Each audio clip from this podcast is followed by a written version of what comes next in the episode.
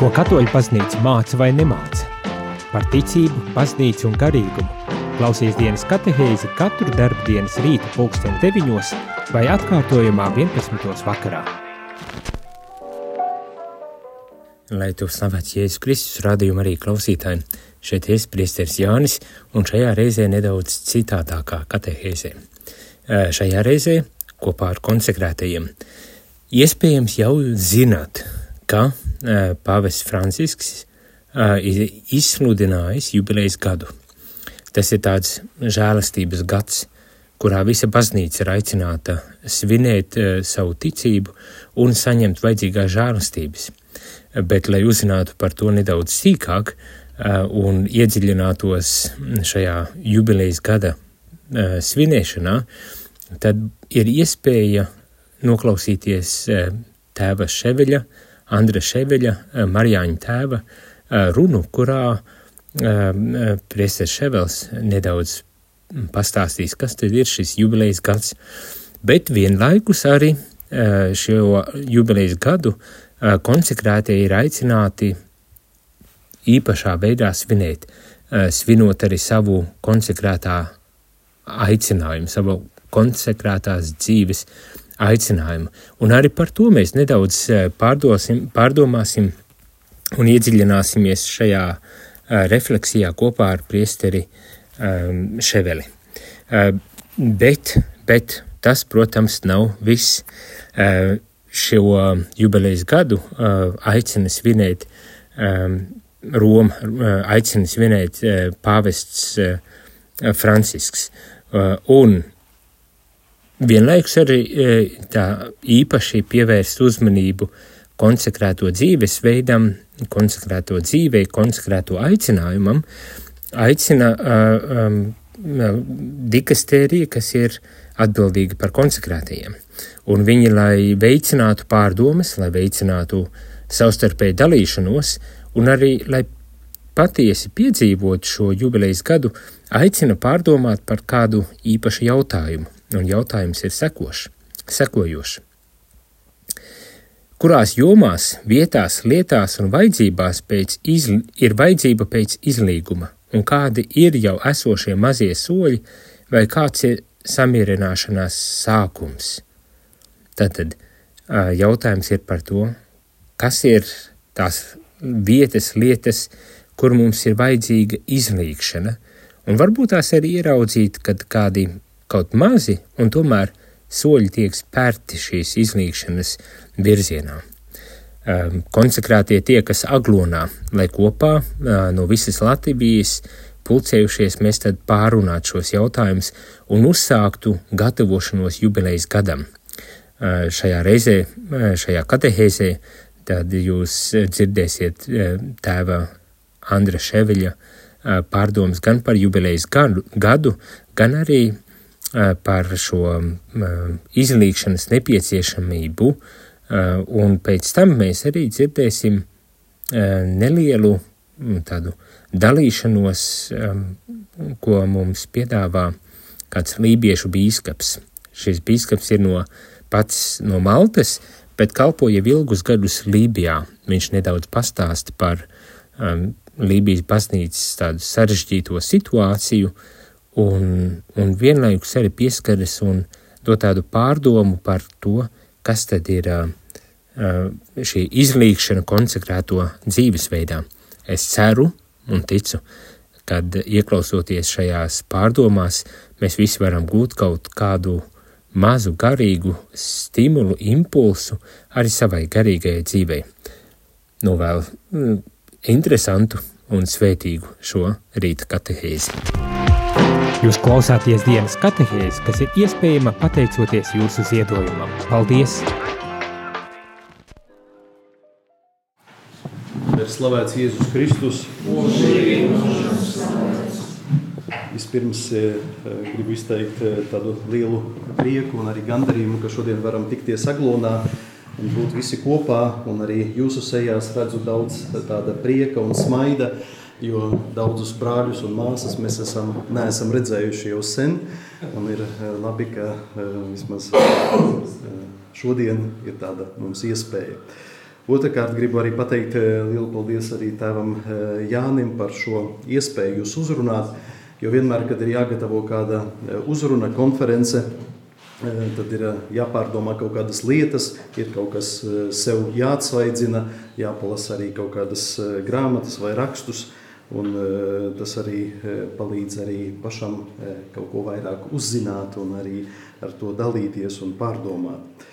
Un šodien šo uzrunu iedalīju divās daļās. Man prasīja arī parunāt, pastāstīt par jubilejas gadu, par šī gada nozīmi mūsu dzīvē, bet arī dot tādu garīgu impulsu. Tad otrajā daļā arī tādas dažas lietas, kas saistās ar mūsu pastāvīgo formāciju un kas ir arī nu, svarīgs mūsu tādai ikdienas dzīvei klosterī. Jubilejas gads, ja mēs ieskatāmies vēsturē, baznīcas vēsturē, tad pirmais jubilejas gads notika 1300. gadā Romā. Eh, šajā gadā, kad pāvests izsludināja šo jubilejas gadu, tad visi bija pārsteigti, ka jubilejas gads bija saistīts ar pilnīgām atlaidām, ka Romu apmeklēja tajā 1300. gadā vairāk nekā pusotra miljona cilvēku. Un iedomājieties, tajā laikā, tas ir 14. gadsimta sākums, kad nav lidmašīnu, kad nav autobusu, kad nav mašīnu, kad nav vilcienu. Ja? Cilvēki pārvietojās tajā laikā vai nu kājām, vai ar zirgu. Un tik daudz cilvēku apmeklē Romu un dodas eh, šajā svētceļojumā uz Romu ar vienu mērķi, lai iemantotu pilnas atlaides. Un eh, tad eh, arī baznīcā radās šī doma, šī ideja katrus simts gadus organizēt jubilejas gadu. Pēc tam saprata, ka simts gadi tas ir pārāk garš laiks, un tad bija pieņemts lēmums katrus 50 gadus svinēt jubilejas gadu. Un jau no kaut kur 15. gadsimta tika pieņemts lēmums, ka katrus 25 gadus mēs baznīcā svinam jubilejas gadu. Šis jubilejas gads saistās ar atlaidām, pilnām atlaidām. Bet, eh, kā jūs zināt, eh, nu, tādam atgādinājumam jums, ka ir eh, baznīcā parastais jubilejas gads, kas notiek katrus 25 gadus, un lūk, arī nākošajā gadā iesākās šis jubilejas gads, bet ir arī ārkārtas jubilejas gadi. Un arī, piemēram, 1933. gadā Pāvests arī pasludināja ārkārtas jubilejas gadu saistītu ar 1900 e, gadiem, ja, atpestīšanas gadiem. Pēc tam arī pāvests Jānis Pavils II 1983. gadu bija pasludinājis par ārkārtējo jubilejas gadu saistītu ar atpestīšanas 1950. gada dienu. Eh, un arī eh, atceraties pavisam nu, nesen, nu, ja var tā teikt, nesen, ka 2016. gads arī bija ārkārtas jubilejas gads, un šis gads bija saistīts ar žēlsirdību, žēlsirdības jubilejas gads. Eh, un redzam, kad, kad ir gan šie vienkāršie jubilejas gadi, ja, kas notiek katrus 25 gadus, gan arī pāvests arī pasludina ārkārtas jubilejas gadus.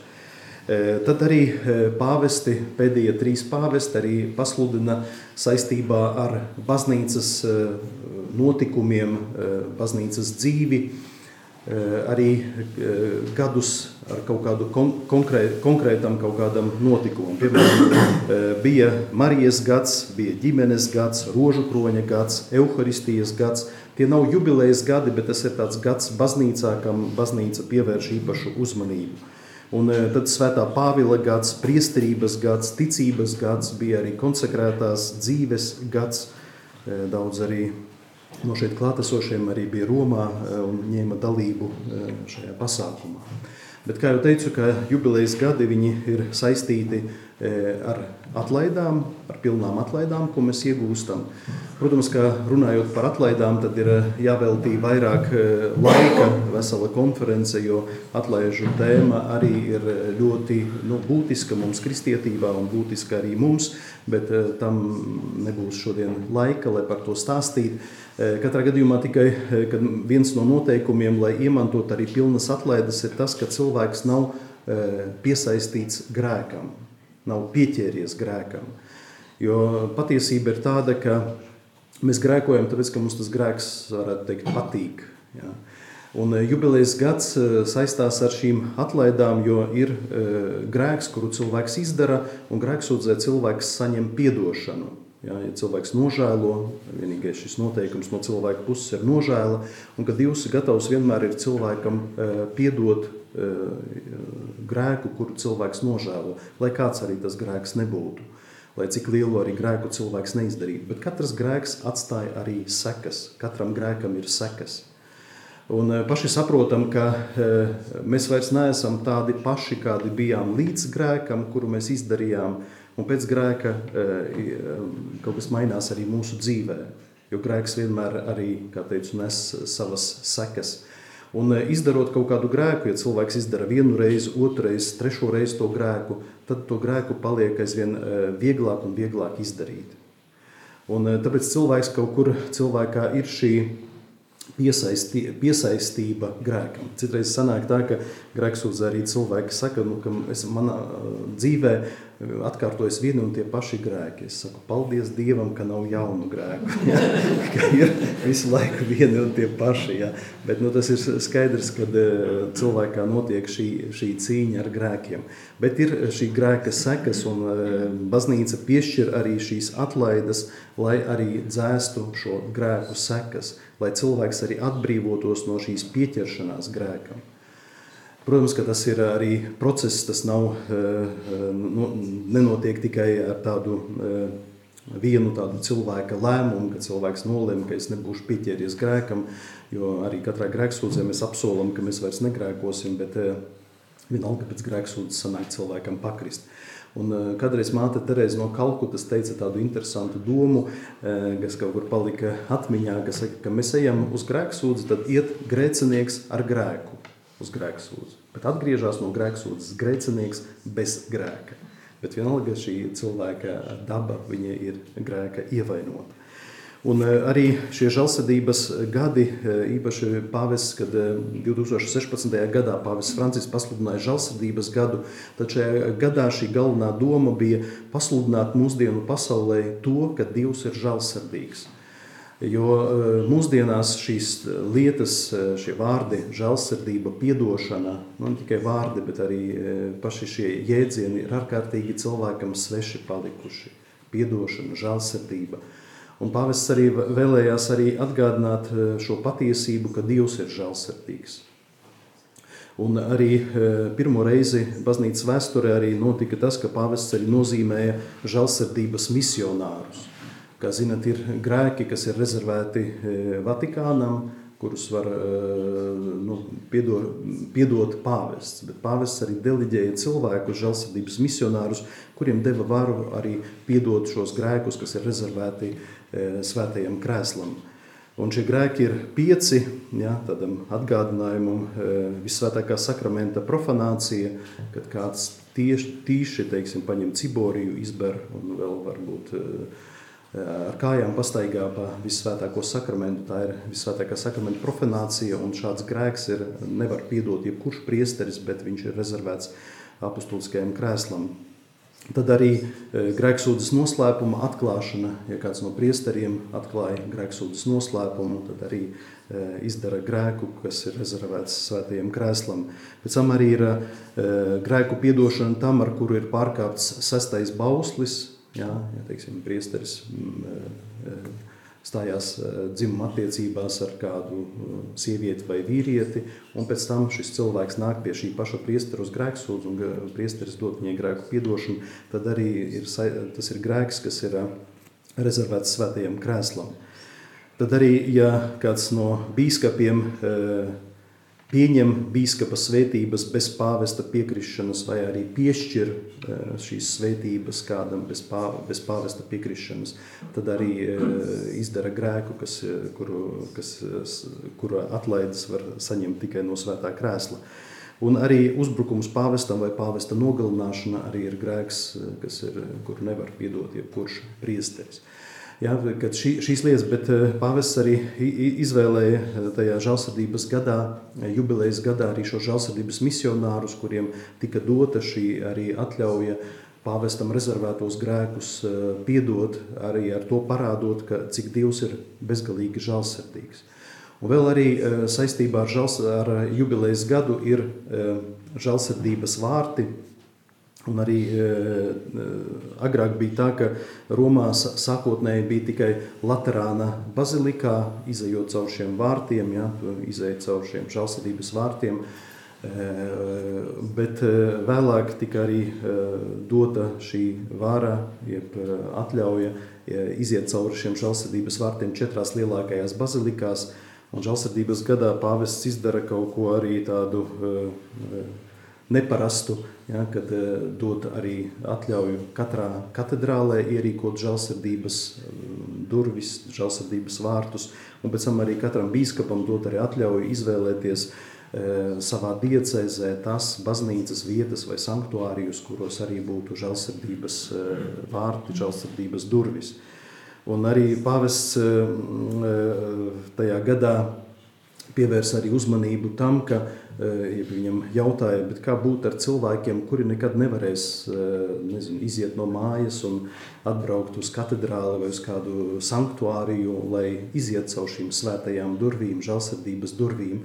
Un tieši runa bija par cietumniekiem, kā būt ar viņiem. Pāvests teica, ka cietumniekiem šajā kamerā, ja, kur, kur ieiet, ka šīs durvis e, būs žēlsirdības durvis, ja, kuras arī norāda uz to, ka izējot caur viņām, tu kā, e, nonāc Dieva žēlsirdības apskāvienā un arī apzinājies to, ka, ja Dievs ir žēlsirdīgs pret tevi, ka tev arī ir jābūt žēlsirdīgam cilvēkam.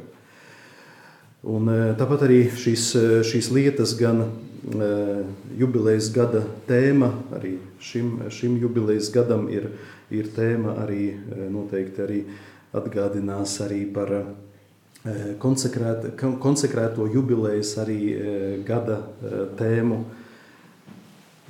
kas bija arī vēstulē, kuru sūtījusi, tagad nepierakstīju, sveceļ, cerības sveceļnieki, kā tur bija tas.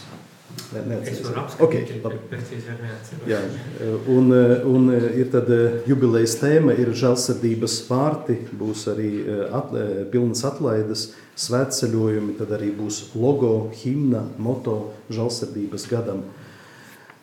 Un tas ir veikts arī ar šo mērķi, lai žēlsirdības gadā mēs arī tiešām pārdomātu par aktuālām lietām, kas ir saistītas arī ar mūsu eh, katra dzīvi. Eh, žal, konsekrēto personu jubilejas gads arī saistās ar to, lai arī mūs stiprinātu mūsu identitāte arī mūsu aicinājumā. Un tagad dažus vārdus arī par šo garīgo impulsu arī dodot mums. Es atsaukšu atmiņā vienu e, poļu priesteri, e, Gžegožu Strelčiku, kurš vienā no konferencēm stāstīja tādu gadījumu no e, savas dzīves, kā ar jauniešiem viņš bija e, kalnos e, un e, nu, nometnē, un kādā vakarā parunājot par e, dažādām tēmām, viņi sāk runāt par aicinājumiem. Un e, viens no jauniešiem, kā viņš to stāsta, e, aptuveni vidusskolas vecumā, teica, ka nu jā, baznīcā e, būs problēmas ar aicinājumiem. Un šis jaunietis saka, kāpēc? Tāpēc, ka e, daudzi priesteri neizskatās kā laimīgi cilvēki. Un e, šis priesteris arī saka, ka tas lika viņam arī aizdomāties par to, kā, vai es esmu laimīgs savā aicinājumā. Un es neesmu laimīgs savā aicinājumā, ja es eh, no savā aicinājumā, var sakot, mokos, mok, mokos pats, tad arī mocīšu arī citus. Un tas neuzrunās eh, citus cilvēkus, eh, jo, ja cilvēks nav laimīgs tajā, ko viņš dara, tad tiešām ir jā, jā, cilvēkam ir jāpārdomā, kas ir šie iemesli, kas atņem tev šo prieku tavam kalpojumam. Es tā varbūt nu, atkāpjoties, ne ar, ne ar šo lietu tas ir saistīts, bet atceros, runāju ar vienu profesoru Ljubljanas Universitātē. Un viņš saka, ka man, man ir viens kolēģis, kurš, kad iet uz lekcijām, viņš vienmēr baidās no studentiem. Viņš vienmēr nokavē kādas desmit minūtes uz to lekciju, tad pēc iespējas ātrāk novadu to lekciju, lai beigtu ātrāk desmit minūtes, ja? lai ātrāk aiziet projām. Un tas priesteris viņam saka, nu, ka viņš ļoti baidās un, un saka, dara to pienākumu, bet ne, ne visai no sirds. Jo ir tās bailes, kas viņu paralizē. Un tad šis profesors viņam saka, klausies, ne jau tev jābaidās no studentiem, bet studentiem ir jābaidās no tevis. Bet es tā vienkārši arī nu, padomāju, padomāju cik, cik varbūt tiešām grūti ir, ja tu ej uz kaut kādu un dari kaut kādu darbu, un tas tev rada tevī bailes, ja? ka tu, nu, tas tevi paralizē. Un tā, tas ir tavs pamat darbs, pamat aicinājums, un tas arī atņem tev pašam tādu dzīves prieku. Bet eh, šeit eh, runājot arī par to, vai es esmu laimīgs savā aicinājumā, savā kalpošanā, lai mēs arī šodien nu, pārdomājam par to. Kā tevs Viktors Pentušs kādreiz teica, ka katram ceļam ir divi grāvi, eh, jeb citiem vārdiem sakot, katram tikumam ir divi netikumi. Ja, tas nozīmē, ka ir kaut kā par daudz vai kaut kā ir par maz. Ja, ja ir tikums, tad var pārspīlēt ar šo likumu, bet varbūt arī tā, ka e, cilvēks atkal krīt citā galībā, ka tā ir par maz. Un e, tāpat arī ar e, mūsu garīgo dzīvi, kad ļoti svarīgs ir šis līdzsvars starp lūkšanu un starp mūsu darbošanos.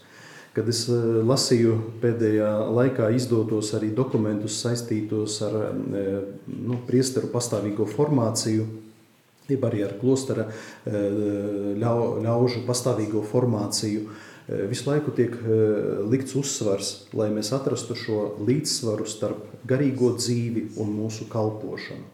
Tas ir šis teiciens, ko arī izteica svētais Benedikts, ora et labora. Un kad svēto Benediktam jautāja, kas tad ir svarīgāks, lūkšana vai darbs? Tad, ko atbildēja Benedikts, viņš teica, ka pats svarīgākais vārds šeit ir un, et. Ora et labora. Nu, protams, ka pirmā tiek nosaukta lūkšana, ja, bet, bet ir ļoti svarīgs šis līdzsvars un, ja, ka ir līdzsvars starp lūkšanu un darbu. Un redziet, ir šī problēma arī mūsu, gan arī priesteru kalpošanā, ka priesteri un arī klostera, ļaudīm ir izdegšanas sindroms. Ka kāds uzņemās ļoti daudz pienākumus un ļoti daudz dara, darbojās un it kā dara to visu baznīcas vārdā, dieva vārdā.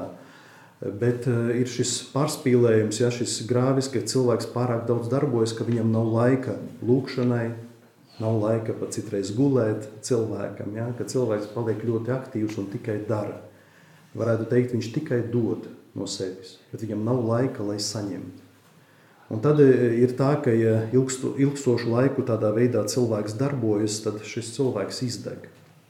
Vai nu arī šī darbošanās var atņemt prieku.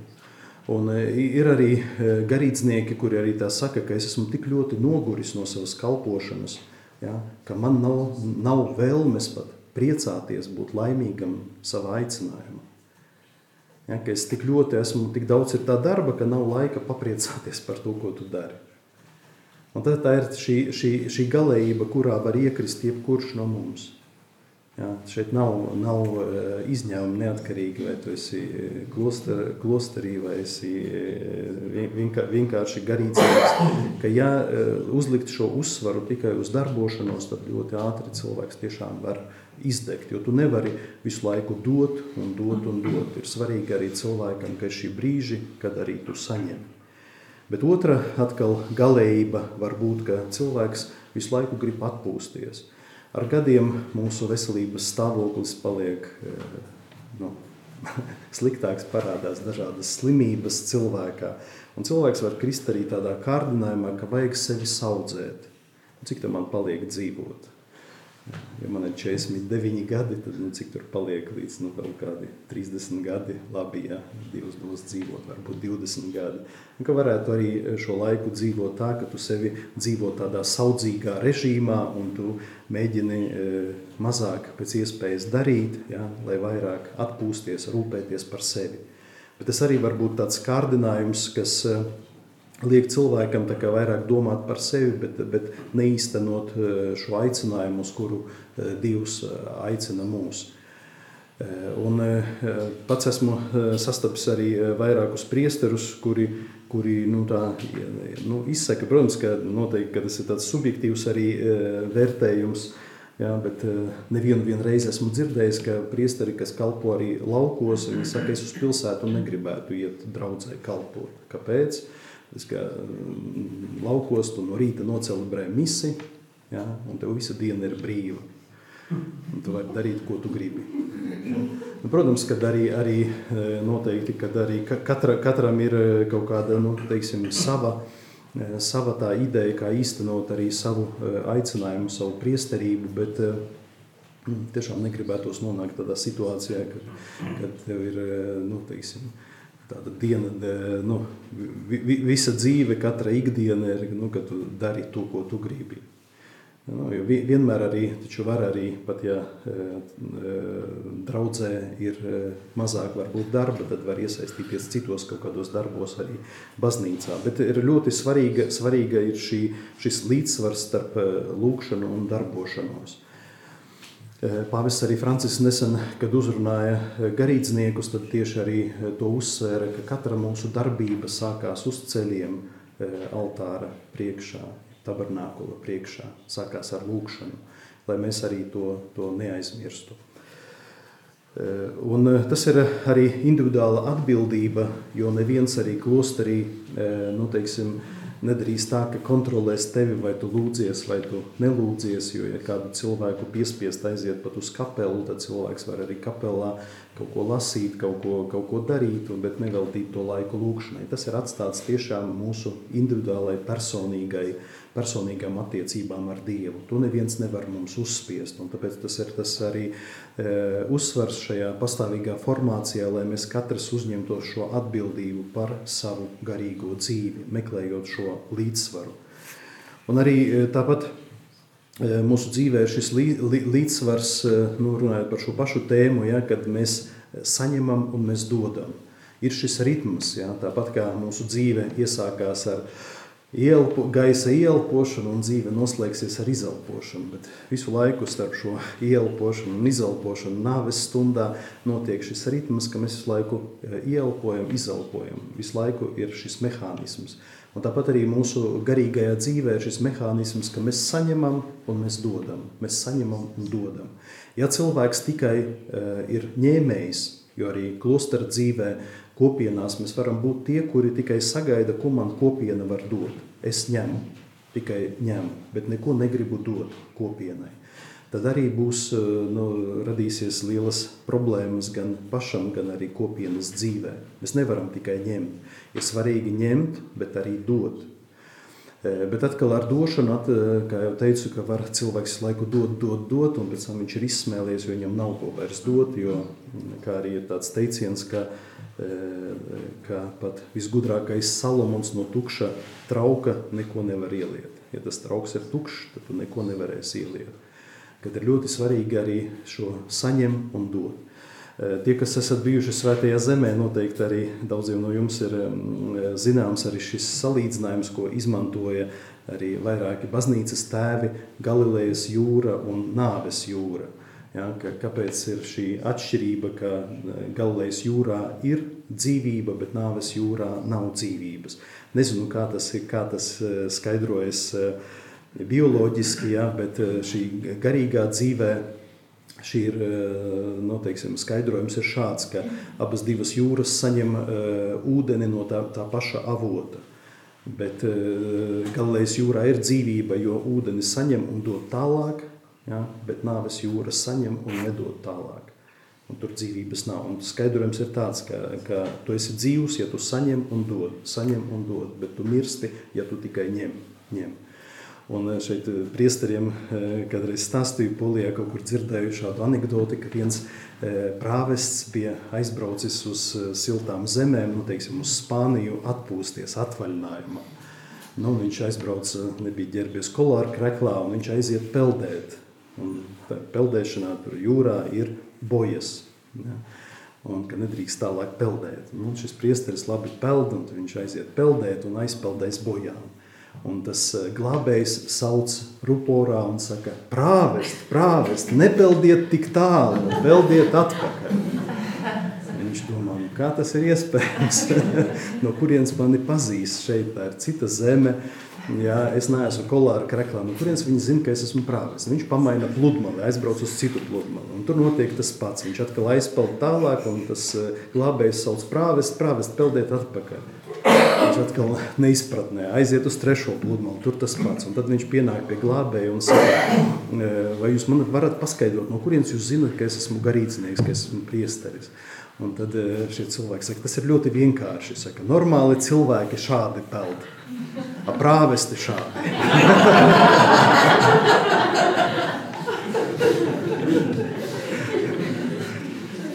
nu, tas arī parāda, ka, ka mēs nevaram tikai vienpusīgi tikai ņemt, bet svarīgi ir cilvēkam gan ņemt, gan, gan dot, saglabāt šo līdzsvaru. Un tāpēc arī mums eh, gribētos arī visiem Tadeuši gribētos novēlēt, lai mums pietiktu arī šīs gudrības mūsu dzīvē saglabāt šo līdzsvaru.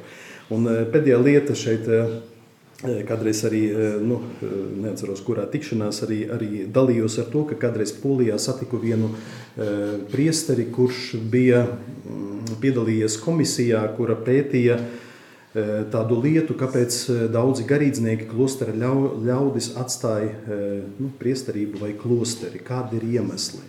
Jo desmit gadu laikā Polijā kaut kādi 1500 priesteri un konsekrētās personas nu, atstāja savu aicinājumu. Un bija Polijas biskupa konference, bija izveidojusi komisiju, kura pētīja tos iemeslus. Es gribētu tikai nosaukt tos iemeslus. Kad es tikos ar to priesteri, tad viņš teica, ka viņš ir tajā komisijā, un es viņam jautāju, saka, kāpēc aiziet no priesterības vai klostera dzīves. Un tad viņš minēja tādus eh, četrus eh, galva, galvenos faktorus. Pirmais tas ir ticības krīze. Kad cilvēkā iestājas ticības krīze, tas nozīmē, ka tu esi priesteris un, piemēram, celebrē svēto misiju, bet tu vairs netici tam, ko tu dari. Vai tu dod grēku piedošanu, bet tu netici, ka Dievs caur tevi darbojas un šis cilvēks saņem grēku piedošanu. Es domāju, ka tas arī ir tāda nu, traģiska lieta, ja priesteris vai arī cilvēks dzīvojot klosterī zaudē ticību. Un tas arī parāda, cik, cik ļoti svarīgi ir, kad nu, ir šī pastāvīgā formācija, ka visu laiku ir jārūpējas par savām attiecībām ar Dievu, par garīgo dzīvi. Jo ir tā, ka ticību var zaudēt. Un sestdien mēs dzirdējām arī evaņģēlijā šo jautājumu, vai cilvēka dēls atnācis, atradīs ticību virs zemes. Un atbilde ir atradīs, ja mēs pastāvīgi lūksimies. Ja, iepriekš Jēzus stāsta šo līdzību par atraidni, kurā nemitīgi lūdza, prasīja. Ja, šo ticību atradīs, ja mēs lūksimies, bet ja lūkšana paliks novārtā, tad arī ticību mēs eh, varam zaudēt. Tad otrs ir, e, iemesls bija attiecības ar e, bīskapu vai klostera priekšnieku vai attiecības kopienā. Tie priesteri, kuri dzīvo vairāk, vairāk draud, nu, teiksim, tā, nu, atsevišķi vieni draudzē, tad tur bija šīs problēmas bieži, daudzie, daudziem bija problēmas ar bīskapu. Ja, kad nebija tādas, nu, neizveidojās labas attiecības ar bīskapu. Eh, un eh, tas, tas eh, radīja tādu iemeslu, ka viņi atstāja savu priesterību. Bet klosteros bieži bija tā, kad, kad problēmas vai nu ar klostera priekšnieku vai kopienā grūtības. Kad es varbūt dzirdējāt arī tādu salīdzinājumu, kāpēc, kāpēc klosteros ir divas kāpņu telpas kāpnes. Jā. Jo var staigāt pa tādām kāpnēm, kur tu nesatiksi otru brāli vai otru māsu. nu, tā ir vairāk humoram, jā, bet vienkārši tas parāda, ka citreiz ir tā, ka ir, ir saka, tās saspīlētas attiecības, ka negribi otru redzēt. Jo neieredzēt, tas ir, es negribu tevi redzēt, jā, neieredzēt. Un, kad arī tas, tas rada lielu, nu, teiksim, nu, sarežģījumu dzīvē, šo attiecību ko, komunikāciju, ja, un arī tas ir iemesls, kāpēc daudzi arī atstāja priesterību vai klostera dzīvi. Trešais iemesls bija atkarības, un ja kādreiz vairāk šis uzsvars bija atkarības no alkohola, tad tagad pēdējā laikā arī parādās daudziem problēmas ar narkotikām. Nesen, kad biju Londonā, tad tur priesteri stāstīja, ka daudz cilvēku šodien ir tik ļoti noslogoti, nu, tik daudz tev ir jāstrādā, daudzi strādā vairākos darbos, un cilvēki pat, pat jau gados cilvēki, ja, viņam trūks spēka. Un, lai iegūtu spēku, viņš lieto narkotikas. Ja? Kad eh, kaut kādu tabletītu eh, ielieto, un tas tev dod tādu dzīvē dopingu, enerģiju, ja? ka tu vari iet un kaut ko darīt. Un saka, ka cilvēki pat ir atnāk uz grēksūdzi, tur Londonā 70 gadīgi cilvēki, kuri lieto narkotikas, kuriem ir, kur ir atkarīgi. Ja, kad, eh, un arī, un arī klostera dzīvē, priesterībā arī šis, šī, šī atkarība arī parādās. Un vēl arī ir atkarība no azartspēlēm. Un tā arī ir traģēdija, kad arī Polijā teica, ka ir garīdznieki, kur ir atkarīgi no azartspēlēm, un ka viņš no draudzes locekļiem aizņemās naudu. Ir tādi, nu, kas aizņemās naudu, un cilvēki te uzticās, tu esi priesteris, viņš aizņemās naudu un nospēlē visu naudu. Pēc tam šausmīgie parādi neatdod, un tas ir nu, ārkārtīgi liela nelaime. Un ceturt, ceturtais ir attiecības ar pretējo dzimumu, iemīlēšanās, kas arī ir kā iemesls, kāpēc cilvēks atstāja priesterību vai klosteri. Bet eh, šīs lietas, eh, kāpēc minu, lai arī parādītu, cik eh, nu, pastāvīgi mums ir jābūt nomodā, nomodā par savu garīgo dzīvi. Un tāpēc vēlreiz arī atgādināšu, ka arī daudzi dokumenti, baznīcas dokumenti tieši uzsver, ka jāsaglabā mums arī visai garīgai kārtai, konsekrētām arī personām šo līdzsvaru starp garīgo dzīvi un mūsu aktivitāti, darbošanos, lai neiekrist šajā darba holismā, tādā, ka es tikai strādāju, tikai dodu, bet man nav laika saņemt šo stiprinājumu no Dieva, lai būtu līdzsvars. Un, e, lai tas arī e, šīs pārdomas arī e, mums dod tādu gudrību, svētā gara gaismu, lai mēs šo līdzsvaru katrs arī savā dzīvē saglabātu. Paldies!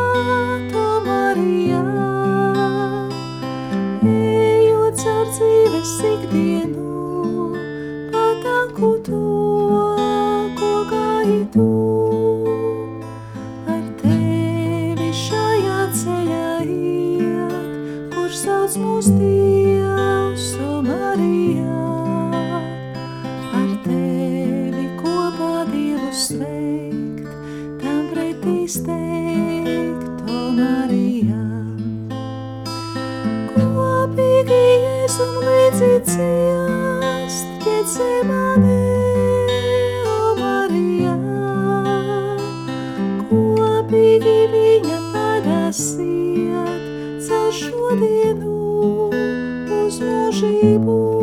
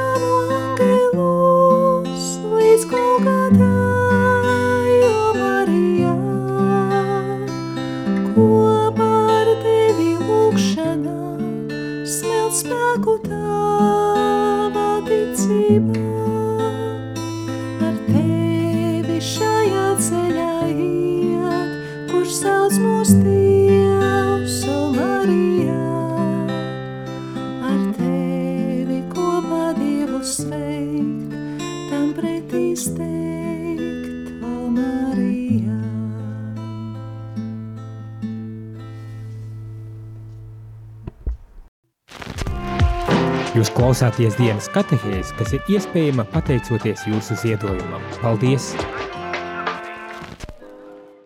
Dear brothers and sisters in the consecrated life, peace and good to you all. It is my pleasure to be with you. Dārgie brāļi un māsas konsekrētajā dzīvē, miers un Dievs lai jums visiem. Man ir prieks šodien būt kopā ar jums. Šodien, lai gan man nācās šo runu ierakstīt, jo tad, kad man lūdza iepazīstināt ar šo tēmu, par ko mēs šodien domāsim, man jau bija cita tikšanās. Patiesībā šodien, kad jūs šo klausījāties, es esmu jau tiči no Šveicē, lai sniegtu liecību par mūsu draudzes sarkanajā nedēļā, ko pasnīca atzīmē kā pasnīca trūkumcietējiem, sagatavotu un pasniegšu to Ticino un Lugano. Tāpēc man vajadzēja ierakstīt šo tēmu. Mani lūdza uzrakstīt meditāciju par izlīgumu un liecināt par to, kā Lībijā, kur es atrodos, mēs piedzīvojam šo pieredzi kā baznīca, kā kopiena, kā tie, kas ticam Jēzum Kristum.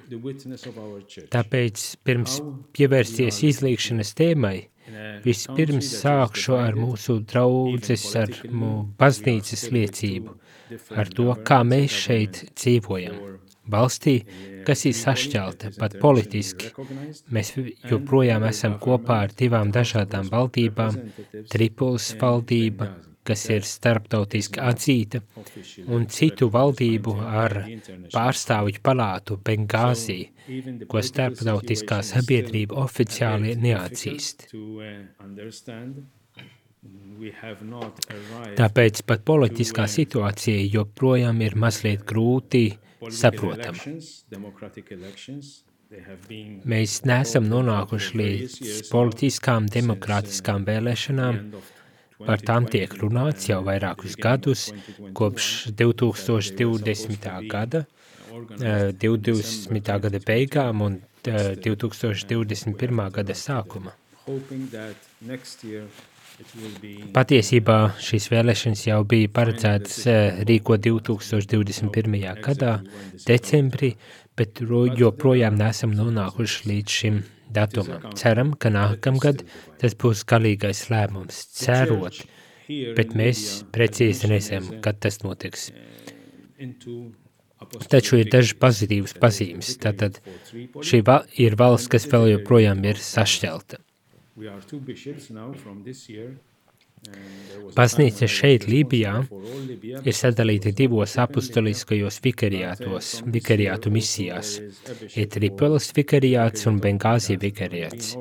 No šī gada es es, mēs esam divi bīskapi, bet bija laiks, kad es biju atbildīgs par visu Lībiju, jo Lībijā nebija bīskapa.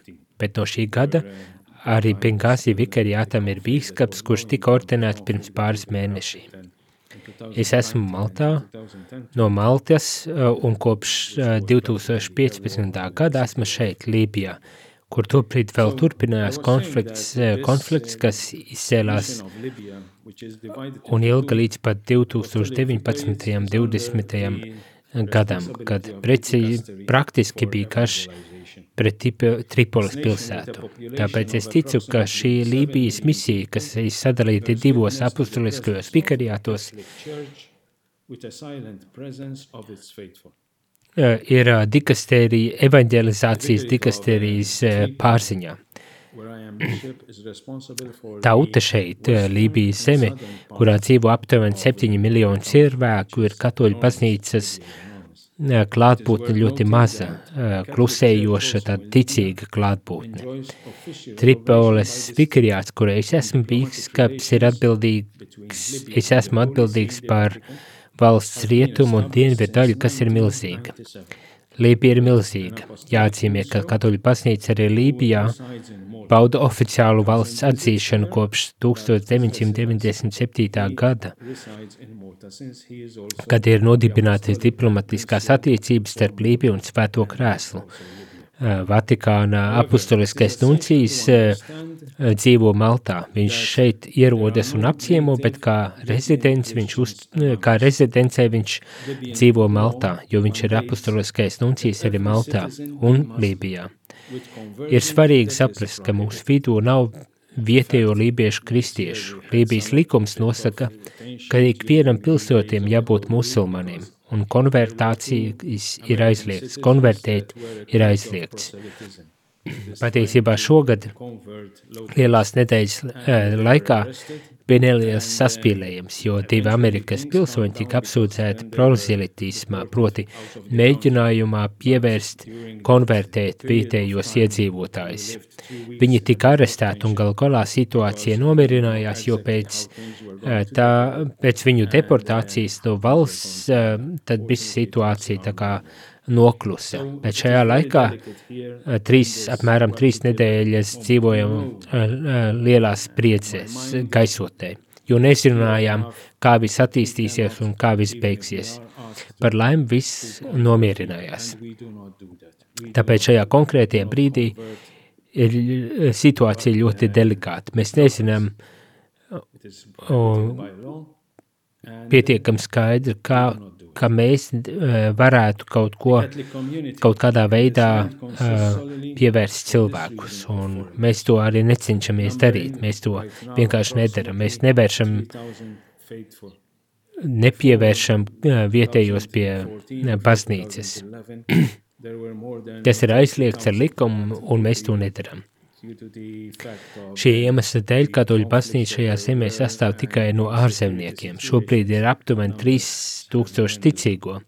Pirms 2014. gada un 2011. gada bija vairāk nekā 30 tūkstoši, bet ņemot vērā notikušos konfliktus un drošības situācijas skaits ir samazinājies. Šajā nelielā kopienā esmu kopā ar vēl vienu franciskāņu brāli, Arī Tripolis vikariātā mēs esam tikai divi, bet Begāzi vikariātā ir bīskaps un vēl divi priesteri. Mēs visi esam franciskāņi. Kopā ar mani ir ar sešas misionāras mātes Terēzes māsas, kuras ir brīvprātīgās valsts iestādēs šeit, netālu no mums. Kā jau teicu, priesteru un, trū, un ticīgo trūkuma iemesls ir revol, revolūcija, kas notika uh, 2010. 11. gadā, un pēc tam arī 14. gadā, kad daudz aizbrauca drošības situācijas dēļ.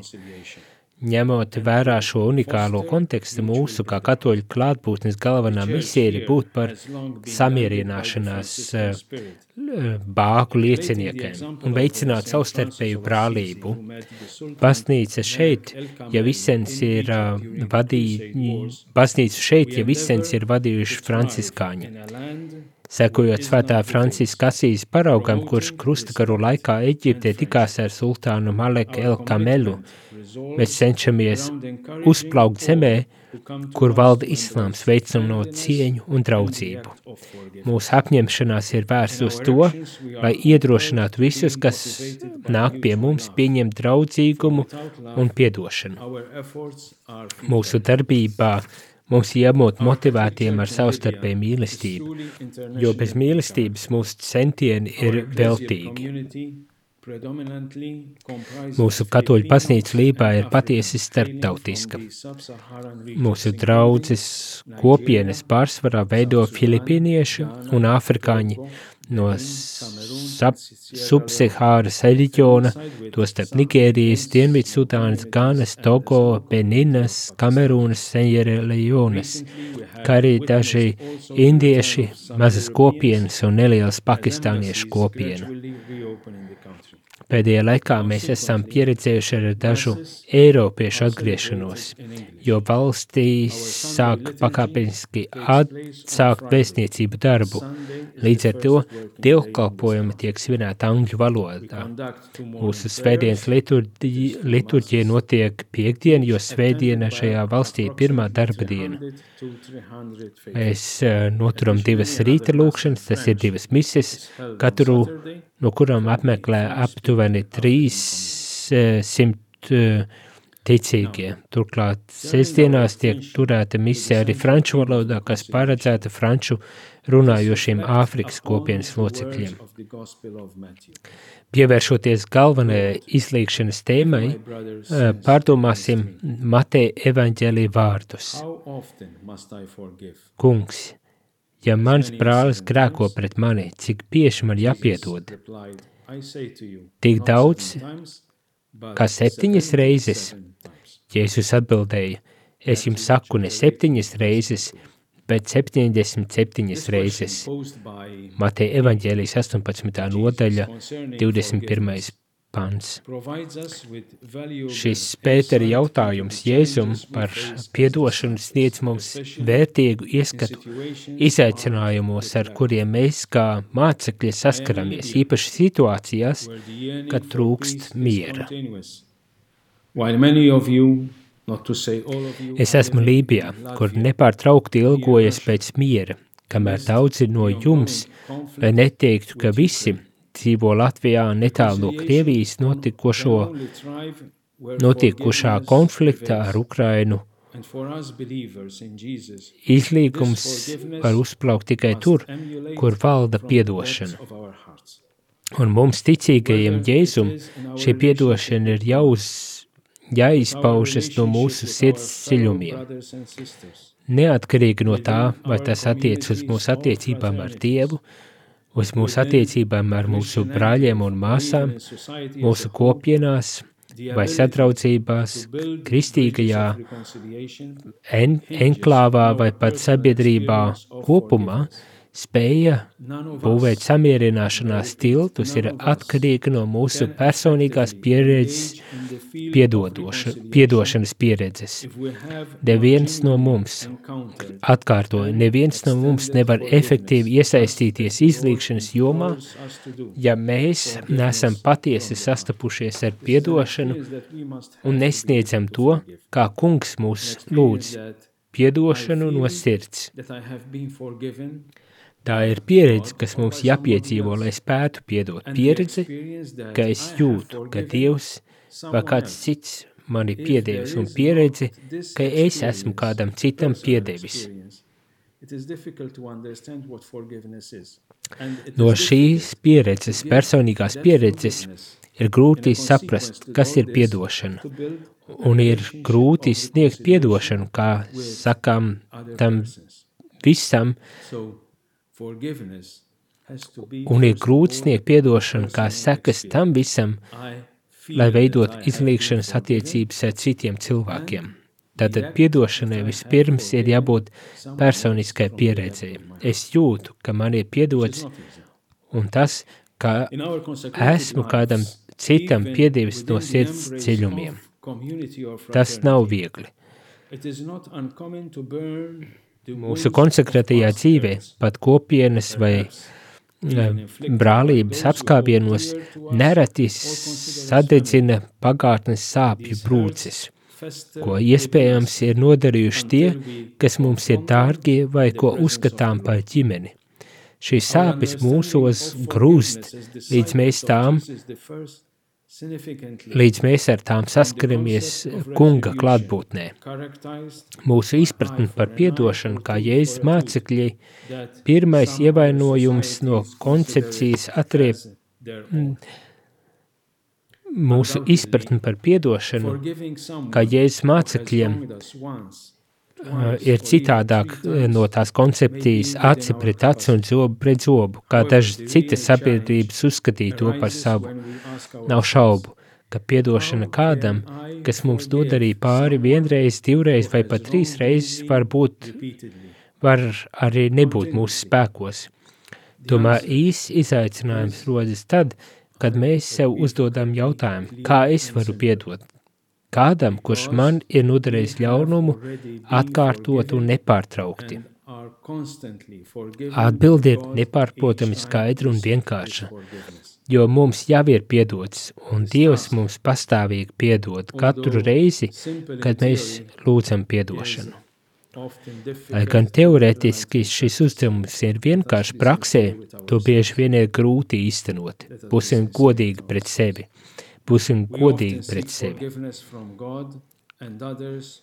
Mēs bieži lūdzam piedošanu Dievam un citiem par nodarītajiem pārkāpumiem, par ko liecina mūsu atkārtotie pat lūgumi pēc piedošanas.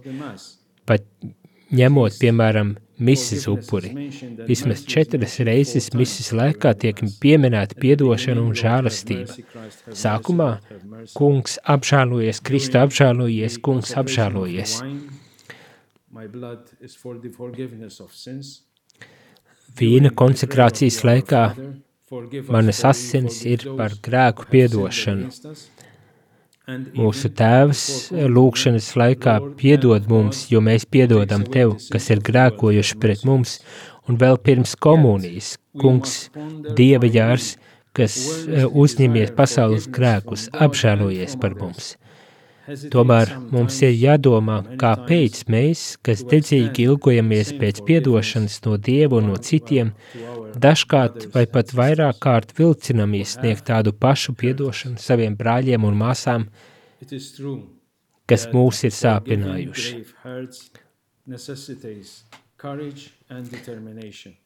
Tā ir taisnība, ka smagu sāpju piedošana prasa drosmi un apņēmību, bet tā prasa arī žēlastību, kas nāk tikai no kunga un ko tikai viņš var mums dāvāt. Šī žēlastība plūst caur lūkšanu un tuvību ar pašu kungu.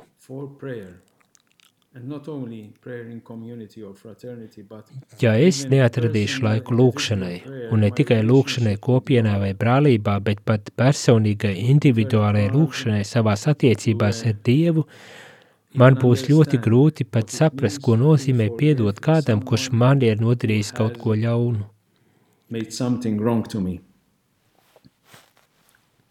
The grace of being able to forgive comes through a good relationship with the Lord.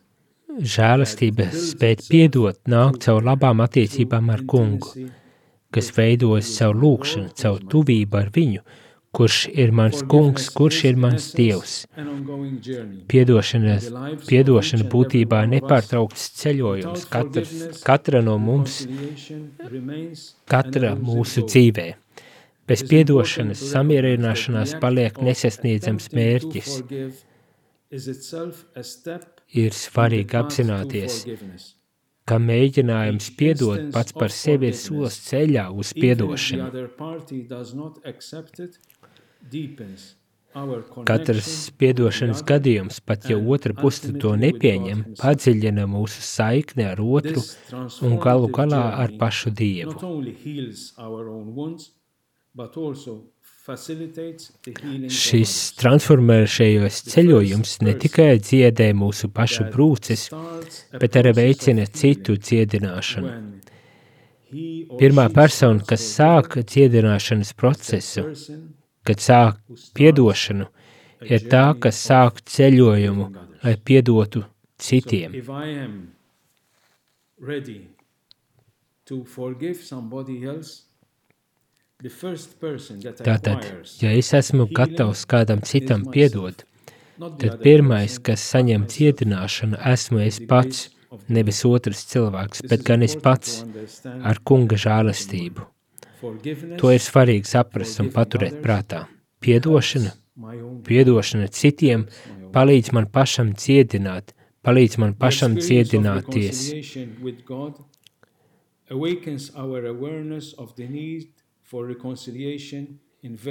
Izlīgšana ar Dievu pieredze atmodina mūsu apziņu par nepieciešamību pēc izlīgšanas dažādos mūsu dzīves aspektos, ģimenēs, savstarpējās attiecībās, baznīcas kopienās, starptautiskā mērogā, pasaulē, kur šķiet ir vairāk ienaidnieku nekā draugu, apņemsimies būvēt samierināšanās tiltus, sākot ar savām ģimenēm, savām kopienām, savām brālībām.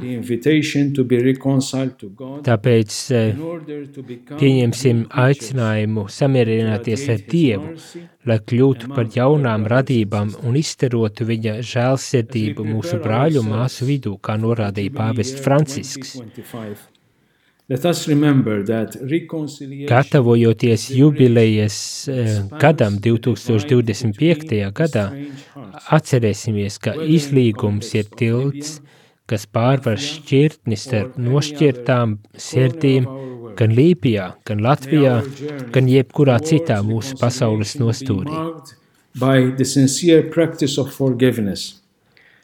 Lai mūsu ceļš uz izlīgumu būtu iezīmēts ar sirsnīgu piedošanas praksi, kas sakņojas bezgalīgā piedošanā, kuru mēs saņemam no mūsu mīlošā Dieva.